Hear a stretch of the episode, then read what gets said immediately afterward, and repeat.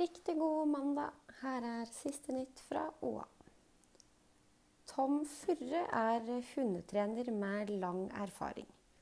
Nå bygger han sin egen treningshall spesialberegna for hunder på Dokka. Alt skal stå klart i løpet av oktober.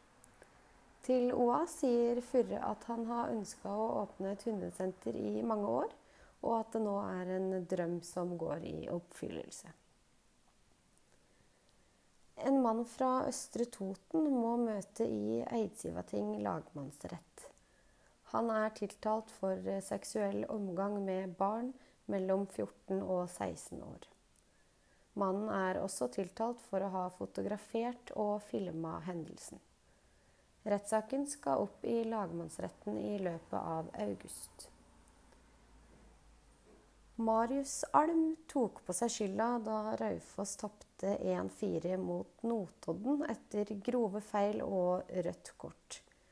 Men hadelendingen ønsker fortsatt ikke å forlenge kontrakta som går ut etter denne sesongen. Alt om søndagens fotballkamp finner du på oa.no.